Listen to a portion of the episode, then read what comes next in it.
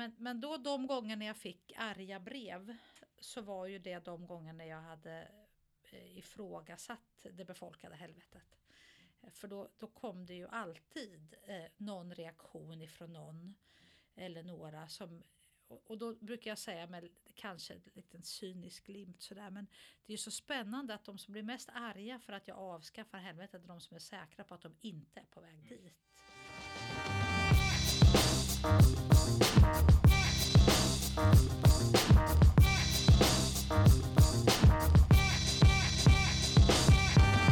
Hej och välkomna till Inför söndag, en podd om kyrkåret där vi brottas med, tröstas och provoceras av söndagens texter. För dig som ska predika eller för dig som ska lyssna.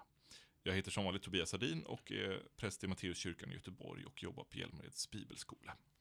Idag har jag också med mig en av dem som är i alla fall lite ansvarig för att jag väl blev präst en gång. Eh, Du var nämligen rekryteringsansvarig på stiftet när jag sökte till Göteborgs stift för länge sedan. Jajamän. Eh, Du vet inte om du kommer ihåg, men Jo, kom ihåg. du heter eh, Maria Ottensten. Ja. Ja, precis. Men numera så är du kyrkoherde i Angereds församling. Ja, Nylöse pastorat Nylöse till och med. pastorat till och med. Där Angered är en av fyra församlingar. Just det, så Också. Bergsjön, Kortedala och Nylöse församling. Borde jag hänga med i, men det gör jag inte. Hela den här förändringsprocessen. Ja, hur, hur känns det? Jo, det känns bra. Mm. Det är stort och eh, inte alldeles enkelt. Och det blir ofta mer organisation än predikan. Eh, och därför är det extra kul att få ägna sig åt det som man egentligen kan och vill som har med predikan att göra. Exakt, jag, när jag googlar det lite så finner man ju också att du har en sån här, eh, låter som att man är, är någonting ur Harry Potter. Ja, Att du är doktor i Ministry and Preaching vid Mm. Lutheran School of Theology i Chicago. jajamän. Det låter ju extremt häftigt. Ja. Vad, vad innebär det? Det låter nog häftigare än det är, men det betyder att för mycket länge sedan i slutet på 90-talet så gick jag en kvalificerad predikofortbildning som fortfarande finns i Svenska kyrkan eh, här i Sverige. Och den var på tre år och sen kan man komplettera det med att delta i en sommar i Chicago och sen skriva en längre uppsats i Chicago. Eller jag skrev ju hemma. Eh, och det gjorde jag 2004. Eh, och på den tiden var faktiskt eh, Antje Jackelén professor i, på Lutheran School of Theology fortfarande. Så hon, examiner, hon har också varit där. Ja. hon examinerade den uppsatsen. Mm. Som hette Gud är i detaljerna. Gud är i detaljerna. Jag kommer ihåg att vi någon gång ganska tidigt hade ett samt... Jag skrev någon, eh, någon D-uppsats om makterna hos Paulus. Precis. Och det var också någonting du hade varit inne på lite grann, ja. Ja, precis det. Det minns jag. Ja, det, var- ja, en av kursböckerna där var The Word Before the Powers. Precis, du tipsade mig om den Ja, och den precis. använde jag sen rätt mycket i min Ja, uppsats. det är en väldigt bra bok. Extremt bra bok. Vem är det som har skrivit den? Eh? Charles Campbell. Charles en extremt Campbell. trevlig människa dessutom. Ja, Ja. ännu bättre. Okej, ehm, när jag tänker på, eh, när du tänker på temat, Mm. ehm, eh, vad vet, vårt evighetshopp är det. Mm. Ja, vad, vad tänker du på då? Ja, men på ett sätt så kan jag säga att jag tänker på eh, något som man efter många år som präst kanske... Alltså jag har ju under mitt liv som präst pratat väldigt mycket om evighetshoppet och haft oändligt många begravningar och talat hoppfullt om det här hoppet. Och jag bärs av det hoppet och samtidigt så får det fler nyanser. Jag tänker att det jag tycker att det är mer komplicerat än vad jag kanske tyckte för 30 år sedan. Och efter att ha suttit vid min pappas dödsbädd Mm. för några år sedan så kompliceras också bilden ytterligare. Eh, och även nu min svärmors dödsbädd och lite Mm. sådär att man eh, när man har älskade människor där på andra sidan så, så är det inte lika, vad betyder det? Det är inte lika lätt att ha, ha starka åsikter tycker jag också. Nej, Man har också haft några svårt. där nära och kära som har, har gått bort liksom. Och det blir, man blir ödmjukare inför olika hållningar helt enkelt. Absolut. Mm. jag, när jag läser de här texterna så, så tänker jag att nej men jag är kyrklig, jag är ju, jag ju också, jag är lärare i Nya Testamentet, så jag är väldigt inne i liksom en lite antik världsbild, judisk, eh, rabbinsk Mm. kultur och tolkning av texterna och kontexten, liksom att tolka texterna i. Men om jag inte skulle varit det, utan bara skulle ha hållit mig till mina populärkulturella referenser, och jag älskar ju skräckfilm liksom. Och, och väldigt många av texterna handlar ju om hur, hur kropparna återuppstår. och Sådär. Eh, och, och då tänker jag att om man inte är kristen och inte har den här andra, utan bara de popkulturella referenserna, så, så är det nog inte så svårt att dra, liksom, tro att det är det det handlar om lite grann. Alltså lik som återuppstår och börjar gå omkring. Eh, det är ju även någonting som Matteus pratar om. Ja. Mm. Men så hittade jag en, eh, en bibelvers faktiskt här när jag googlade lite. Som jag tyckte var extremt passande om man då skulle göra den tolkningen istället. Som är såklart inte meningen. Men, och detta är från Sakarja 14. Eh, och detta är en plåga som Herren ska låta drabba alla folk som drar ut i krig mot Jerusalem. Deras kött ska ruttna medan de ännu står upprätt. Deras ögon ska ruttna i sina hålor och tungan ska ruttna i munnen på dem. Den dagen ska Herren sända en stor förvirring över dem så att de ger sig på varandra. Det är ju zombies liksom. Ja, ja. Ser man Walking Dead så är det exakt det där som händer liksom. Och, och jag tänker också på, när du säger det så kommer jag att tänka på en, en målning. Jag tror, i, i någon italiensk katedral, jag tror faktiskt att det är i Orvieto, men jag är inte hundra på det. Men då finns det en gigantisk målning som handlar om, eh, om det dödas uppståndelse. Och då är det verkligen så att man ser liksom att, de, att det är ben som liksom växer upp och blir och så kommer upp halva människor. Eller, alltså, de är inte Okej, riktigt färdiga, de liksom växer upp ur jorden. Så här, va? Så att, att man ser liksom att oj, nu får de tillbaka kött på benen och så blir de något. Men så ser man också och det tänker jag, den bilden är lättare att ta till sig. Liksom, de som är färdiguppståndna, liksom, de står och kramar om varann. Mhm. Eh, och det är liksom lättare att ta till sig den där åter, återförenade gemenskapen än, än just det där med köttet på benen. Exakt. Som jag Det är ju väldigt grafiskt liksom. Det är väldigt Ja. grafiskt och lite ganska svårt tycker jag. Ja, det är. Men det är väl från Hesekiel där antar jag, med benen som Ja, det är säkert. och- Ja, ja, ja. Jag läste någonstans, det kan vi komma, komma tillbaka till, men att, att eh, målningar på, på tidiga medeltiden och sånt, de hade väldigt mycket med kroppen med. Och Ja. det var ganska brutala bilder. Och, eh, och inte bara när det handlar om uppståndelse, utan Nej. i övrigt så även Maria när hon höll Jesus så ammar hon honom. Ja, liksom, mm. och, så här, och det är extremt tydligt. Liksom. Eh, men sen så, så flyttas det mer och mer och blir mer och mer himmel-helvete uppdelning i konsten. Mhm. Så från att liksom bli de här kropparna som återuppstår och är på jorden och kramas om, som Ja. också är väldigt fysiskt då, som du Mm. beskriver. Så blir det mer och mer det här människor som antingen plågas eller står och sjunger i vita kläder. Ja. Och det är de bilderna som sen växer vidare i, i konsthistorien. Mm. Liksom. Och det tror jag påverkar, speciellt så pietistiska sammanhang som jag har rört mig i också Ja. väldigt mycket. Att det är det vi tänker på, himmel eller helvete efteråt. Ja. Och det här med kroppens uppståndelse eller det dödas uppståndelse. Det är någonting vi tänker som en metafor för att hamna i himlen nästan. ja. Fast mm. egentligen kanske det är tvärtom. Eh, Jag vet inte. Independent is not a trend. The only way of life, cause I'm not really alive if somebody else control my destiny.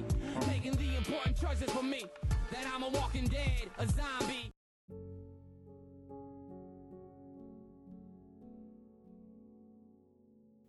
Från Job kapitel 17. Eh, Vad har jag då för hopp? Vem kan skönja någon lycka för mig? Går hopp och lycka med mig till dödsriket? Ska de följa med mig ner i mullen? Och så läser jag episten, första Korintierbrevet 15, verserna 35 till 49. Nu undrar någon, hur uppstår de döda? Hurdan kropp har de när de kommer? Vilken enfaldig fråga. Det du sår får inte liv om det inte dör. Och när du sår är det inte den blivande växten du sår, utan ett naket sädeskorn eller något annat frö. Men Gud ger det den gestalt han har bestämt och varje frö får sin egen gestalt.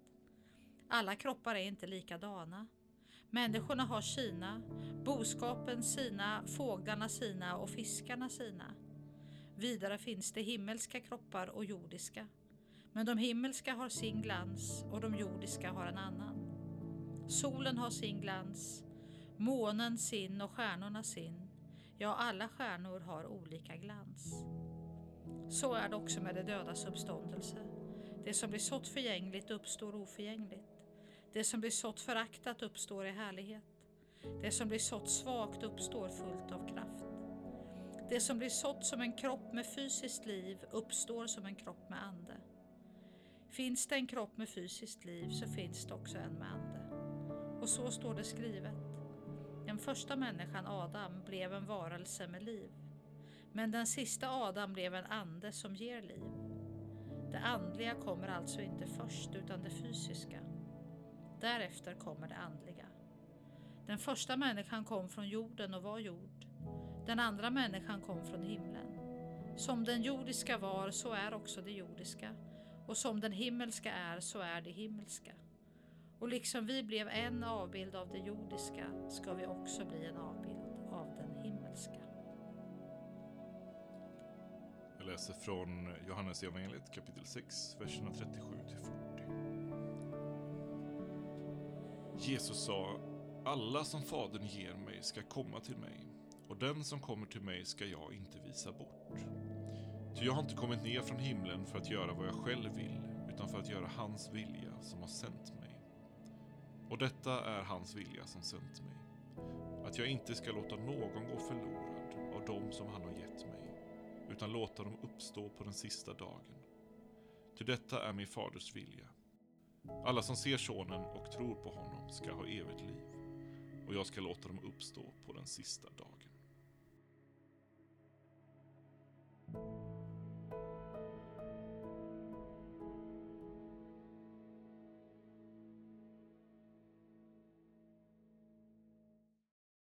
Jag tycker att Paulus är ganska vad kan jag säga?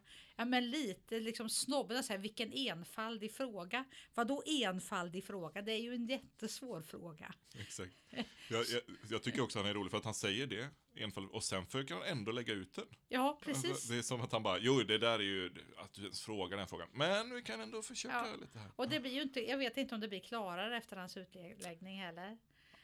Jag tänker på, på vissa söndagar där eh, i sådana gudstjänster jag trivs i alla fall så är det ofta lite barn som springer omkring och väsnas och, liksom, Ja. och då är det en av de här texterna som man egentligen vill att församlingen ska sitta och spetsa öronen, höra detaljerna på för Ja. att man ska kunna predika över den. Men oftast blir det sån här text som bara går förbi folk och det Ja. loopar runt känns det tror jag. Men den är extremt spännande Ja. tycker jag. Mm. Det finns ju mycket att, att, att gräva i här. Och det är klart att det där mittenpartiet har jag ju använt som bibelställe på jag vet inte hur många begravningar. Så är det också med det dödas uppståndelse. Det som vi sått förgängligt uppstår oförgängligt. Mm. Och så vidare. Den där stycket. Eh, som egentligen inte heller är så himla lätt. Eh, men det är någonstans i alla fall utifrån frön som växer och, och blommor som går i blom. Och sånt. Exakt. Jag tänker, jag, ju mer, eh, nu är inte jag så asgammal sådär, men, men eh, ju äldre jag har blivit i min tro så har det, det här uttrycket att, att Gud inte går att förstå, men vi kan utforska Gud, eh, Ja. blivit viktigare. Och så tänker jag även med, med sådana här frågor, att nej, men vi kanske kan lämna det där här med att försöka förstå det. Mm. Men å andra sidan så ska vi heller inte säga, men då ska vi inte göra någonting. Men att, att gå, ge sig in i processen att ändå utforska Ja. säga någonting, testa en tanke, Mm. våga ta tillbaka den, eh, Mm. eh, våga ge sig hän. Liksom. Och där Mm. tycker jag, om man, om man tolkar Paulus så, att ja, men, vi kommer inte förstå, men Nej, låt nej. oss utforska lite. Ja. Mm. Det hjälper mig med texten i alla fall.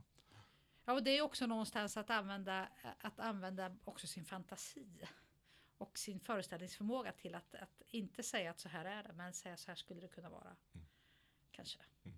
I, det finns, har ju kommit en ekumenisk översättning av, av trosbekännelsen Ja. som liksom har tagit tillbaka en, en mer, som jag fattar det, ordagrann över, ö, översättning. eh, Där vi, vi säger att vi tror på kroppens uppståndelse. Eh, eller köttets uppståndelse är det till och med i originalspråket tror jag. Eh, Sarks det. Men, och vi har numera då, för er som inte har koll på det, dödens uppstånd, eller det dödas uppståndelse. Och jag har faktiskt varit med och skrivit ett remissvar just på den där Ja, ekumeniska det. översättningen. Perfekt. Och det, det, är väl, nej men det är väl faktiskt den, det roligaste remissvaret jag har skrivit när man fick skriva Vi förordar det dödas uppståndelse. Mm. För det var det vi förordade i Mm. vårt remissvar. Be- Ifrån. be- Berätta varför. Ja, men vi, vi tyckte nog, det var liksom zombievarningen på kroppens uppståndelse eller köttets uppståndelse. Köttet är ett väldigt svårt begrepp överhuvudtaget. Liksom. Och, nej, men det blir ju väldigt knepigt i vår tid. Och kroppens uppståndelse gör det ju inte lättare, även om det kanske är mera korrekt, det vet inte jag. Men det, det, det gör det ännu svårare, för jag tycker att det är svårt att tala om kroppens uppståndelse. Mm. Utan att hamna i lite zombietankar då, Mm. och då blir det ännu knepigare. Precis. Ja, men det är väl alltid den här frågan i, i alla översättningar. Ska man översätta så att de som levde för 2000 år sedan skulle förstå vad man sa? Mm. Eller ska man översätta på ett sätt som är metaforerna så att vi fattar dem bättre? Mm. Uh, enda anledningen för jag kan tycka att, att kroppens uppståndelse ehm, är bättre är kanske för att den ruskar om den här bilden av att, att jag lämnar min kropp och, jag, Mm. det finns något liksom, själstillstånd uppe i himlen och spelar harpa. eh, Liksom, Ja. Och det är det det kristna hoppet handlar om. Och, och kroppens uppståndelse liksom drar mig med en gång ner på jorden. Liksom, och Ja. blir så, va? Eh, Mm. Men, som du säger, den är ju extremt, det, det, det hjälper oss inte att förstå det teologiskt kanske.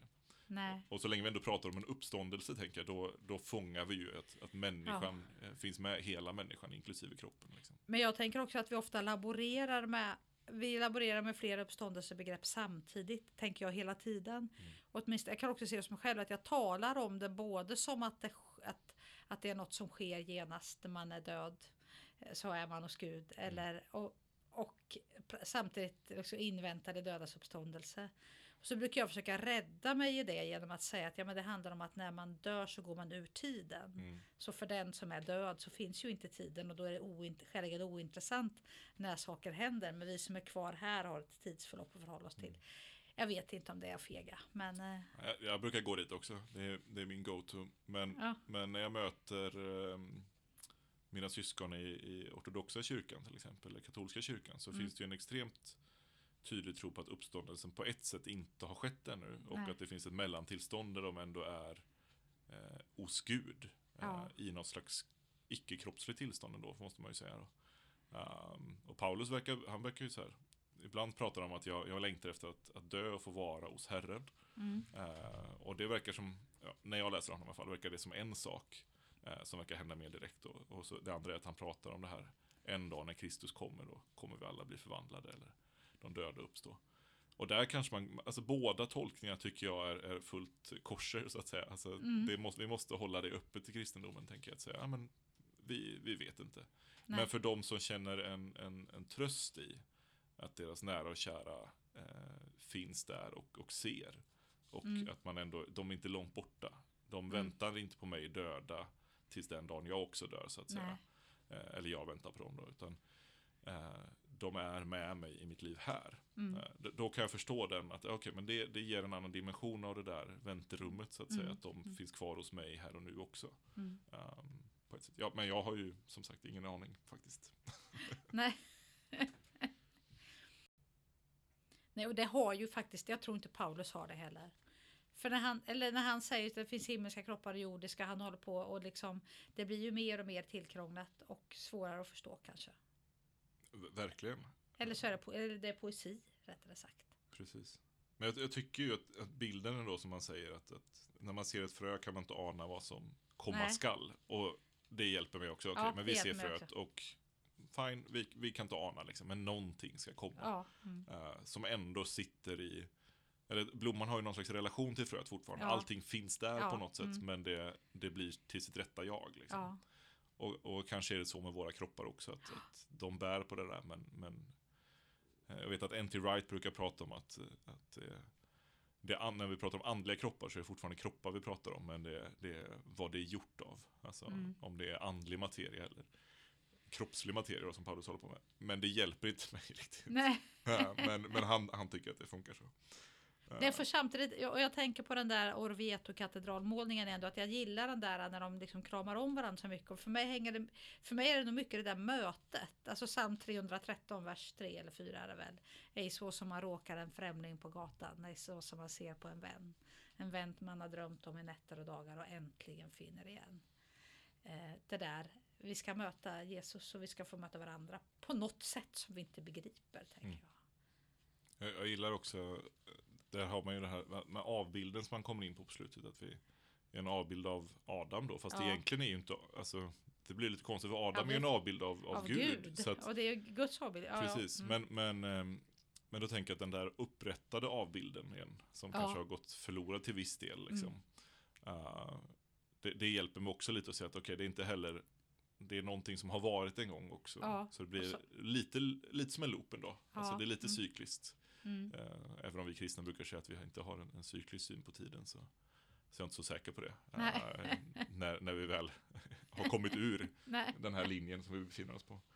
Så Ja, men tänk- vi har väl både en cyklisk och en linjär tid, syn på tiden kanske. mm.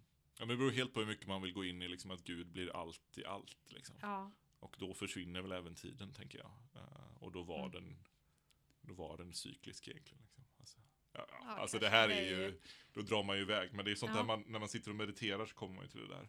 mm. Och ofta möter, jag har en vän som, som är väldigt inne på buddhistisk meditation. Och mycket att, att in, inte ha dualism liksom. Nej.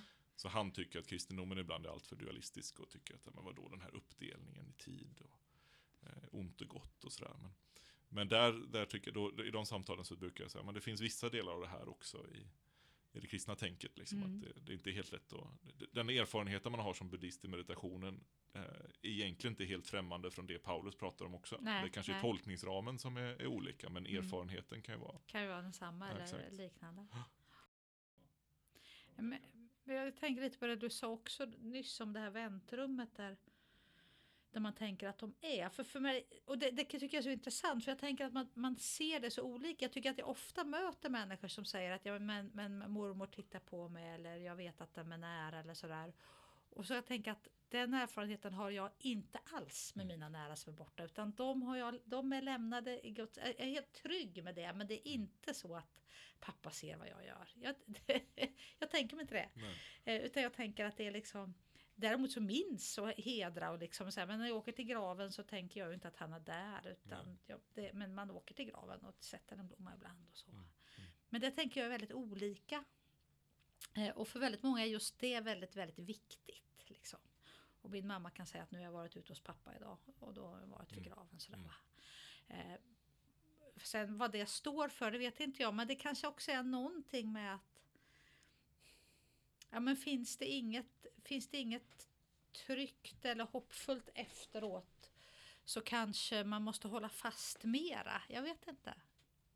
För jag tänker att väldigt många har någon sån. Eller, eller så liksom, men just när mamma dog så kom det en fågel och satte sig på fönsterbräcket. Mm, mm. Eller, eller liksom, och, och nej, då såg jag rådjuret där i trädgården och det påminde så. om. Mm. Eller sådär, väldigt ofta någon slags, och då blir det någon slags, kanske inte inkarnation, reinkarnation, men något som vetter åt det hållet. Mm. Liksom. Nej, men man vill, man behöver, om man nu får psykologiskt då, så behöver man det där tecknet. Ja, liksom. man be- ja, precis. Och det kan man väl få tänka. Ja, jag. absolut. Det Och är jag liksom- tänker att, att världen är väl större än att, att det inte skulle kunna vara Nej, så att, att Gud sänder en sån eller att eh, Nej, precis. mormor sänder en sån när det är dags. Liksom. Det är ju inte heller helt ovanligt, nu kommer vi in på lite mer så här, känns som halloween-tema, men, Ja. men eh, jag har ju en släkting till mig då, så när, när en nära person till den gick bort Mm. så hävdar den här personen att den fick ett telefonsamtal från personen. Alltså i dödsögonblicket. Eh, och den här personen vaknar då och kollar på klockan och skriver ner liksom, och, den här rösten då i telefonen säger hej då. Eh, och sen så, så tänker inte den här, min släkting mer på detta, somnar Nej. om. På morgonen så får hon då ett samtal om att den här personen har, har gått vidare. Um, och minns drömmen och ser att ja, men det var ju den här tiden till och med. Uh, och det där är ju för mig sådär, jag vet inte, det, ja det är kanske sant. Alltså vad ska Ja. jag säga, jag, jag vill inte misstro henne liksom. Uh, och samtidigt så väcker det så sjukt mycket frågor. Uh, Ja. men, men att människor verkar ha den erfarenheten, det Mm. kan man ju inte tvivla Nej, på. nej. Sen då vad som ligger bakom det, det, det kan vi kanske inte säga så mycket om. Men någonstans, ja, men det finns ju sån här, jag är jättedålig på fysik, men det var, väl, var det inte i år de fick Nobelpriset för någon sån här det här att liksom, eh, ele, eller elektroner eller så som varit i kontakt med varandra kommer att fortsätta även om de är, befinner sig på olika sidor av jordklotet så kommer det att fortsatt också finnas en kontakt däremellan Just det. på något vis. Och, och det är väl inte så konstigt att tänka att det är så med oss människor också. Att, att om vi verkligen har varit i beröring med varandra så finns det liksom någon slags, det kanske är fysik Mm. eller mystik. Men, men ungefär som att man kan känna på sig väldigt ofta tänka att nu ska jag ringa den här personen och då ringer det. Och sen så, det kan man förklara på massa olika sätt. Jo, jo, men. Ja. men, men att det liksom att ja, vi ändå vi har liksom fler kontaktvägar än, än de digitala eller fysiska. Eller så, Exakt. det, det finns mer sånt. Men det finns någonting i mig som, och det kan man ju tolka då att det var inte egentligen telefonsamtal utan det var en dröm liksom. Ja, men, ja. men det finns någonting i mig som tycker att det är så, så här, just att det är nästan lika brutalt som när, den här zombie-grejen när dödar Ja. upp så att ja, men den här personen ringde telefonsamtal, alltså det är så här, Ja, kommer man få ett mess på Messenger och så Ja. här. Det, ja, det är spännande att se vilka medium de ska använda framöver. ja, ja precis. Ja men det är ju lite, ja men just det kan ju bli lite skumt när man får såna här den fyller år idag, vill du gratulera på Facebook och så, finns det, så lever den inte längre eller så. Precis. Det är ju verkligen de nya gravstenarna ibland. Så Ja, mm. Jag har ju några vänner som har gått vidare då, som, som finns på Facebook och deras profiler är kvar. Och det, det märks ju varje år så är det rätt många som går in och skriver en liten hälsning. ja, precis. jag gjorde det här, eller hur har du det? Eller så, ja. så man, måste ha den där kontakten vid liven. Och det är klart att det, det, är väl inte, det är väl egentligen som att gå till graven på ett sätt. Det är väl som att gå Ja. till graven på födelsedagen eller, Mm. eller liksom Mm.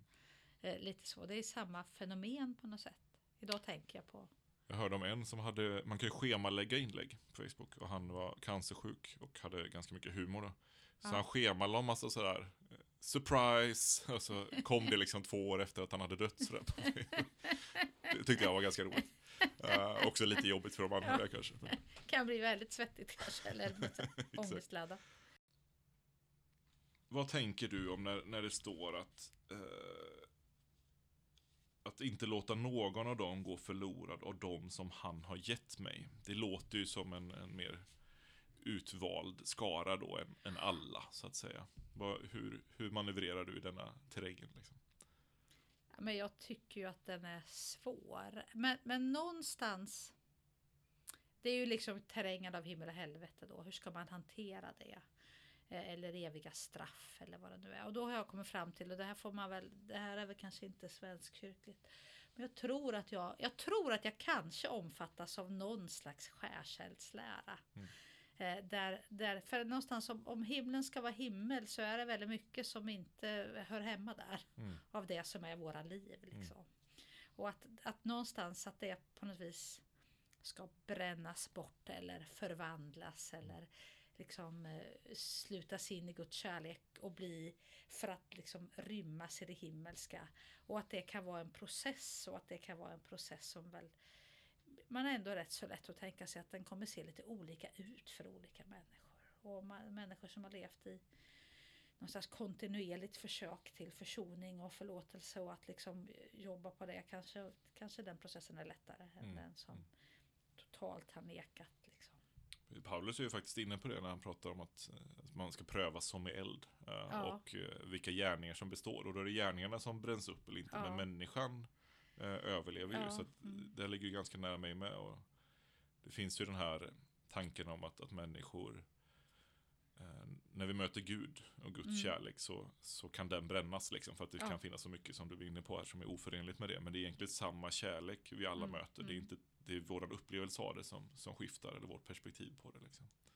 Ehm, Och om jag tänker på, när vi, innan vi började det här inspelningen så pratade vi om gårdagens gudstjänst som var med den rike ynglingen som mötte Jesus och Jesus såg på honom med kärlek men sen gick han ändå bedrövad bort. Mm. För han ägde mycket. Så finns det ju någonstans också en, en, en tanke om att det kan ju vara så att man också väljer bort, alltså att det bränner så hårt Mm. i min egen självbild och vad jag liksom tror mig vara hur, hur icke beroende av andra jag skulle vara. Att jag kanske inte kanske inte står ut. Liksom. Jag vet inte. nej, nej, men precis. Eh, Ja, Jag tänker ju att det skulle vara svårt att säga nej till Jesu kärlek om man möter den öga mot öga. mm, mm. Att den ska vara totalt liksom allomfattande. Men, men jag vet ju inte. Nej, och det är skillnad att tänka att möjligheten finns och att det kommer hända, tänker jag.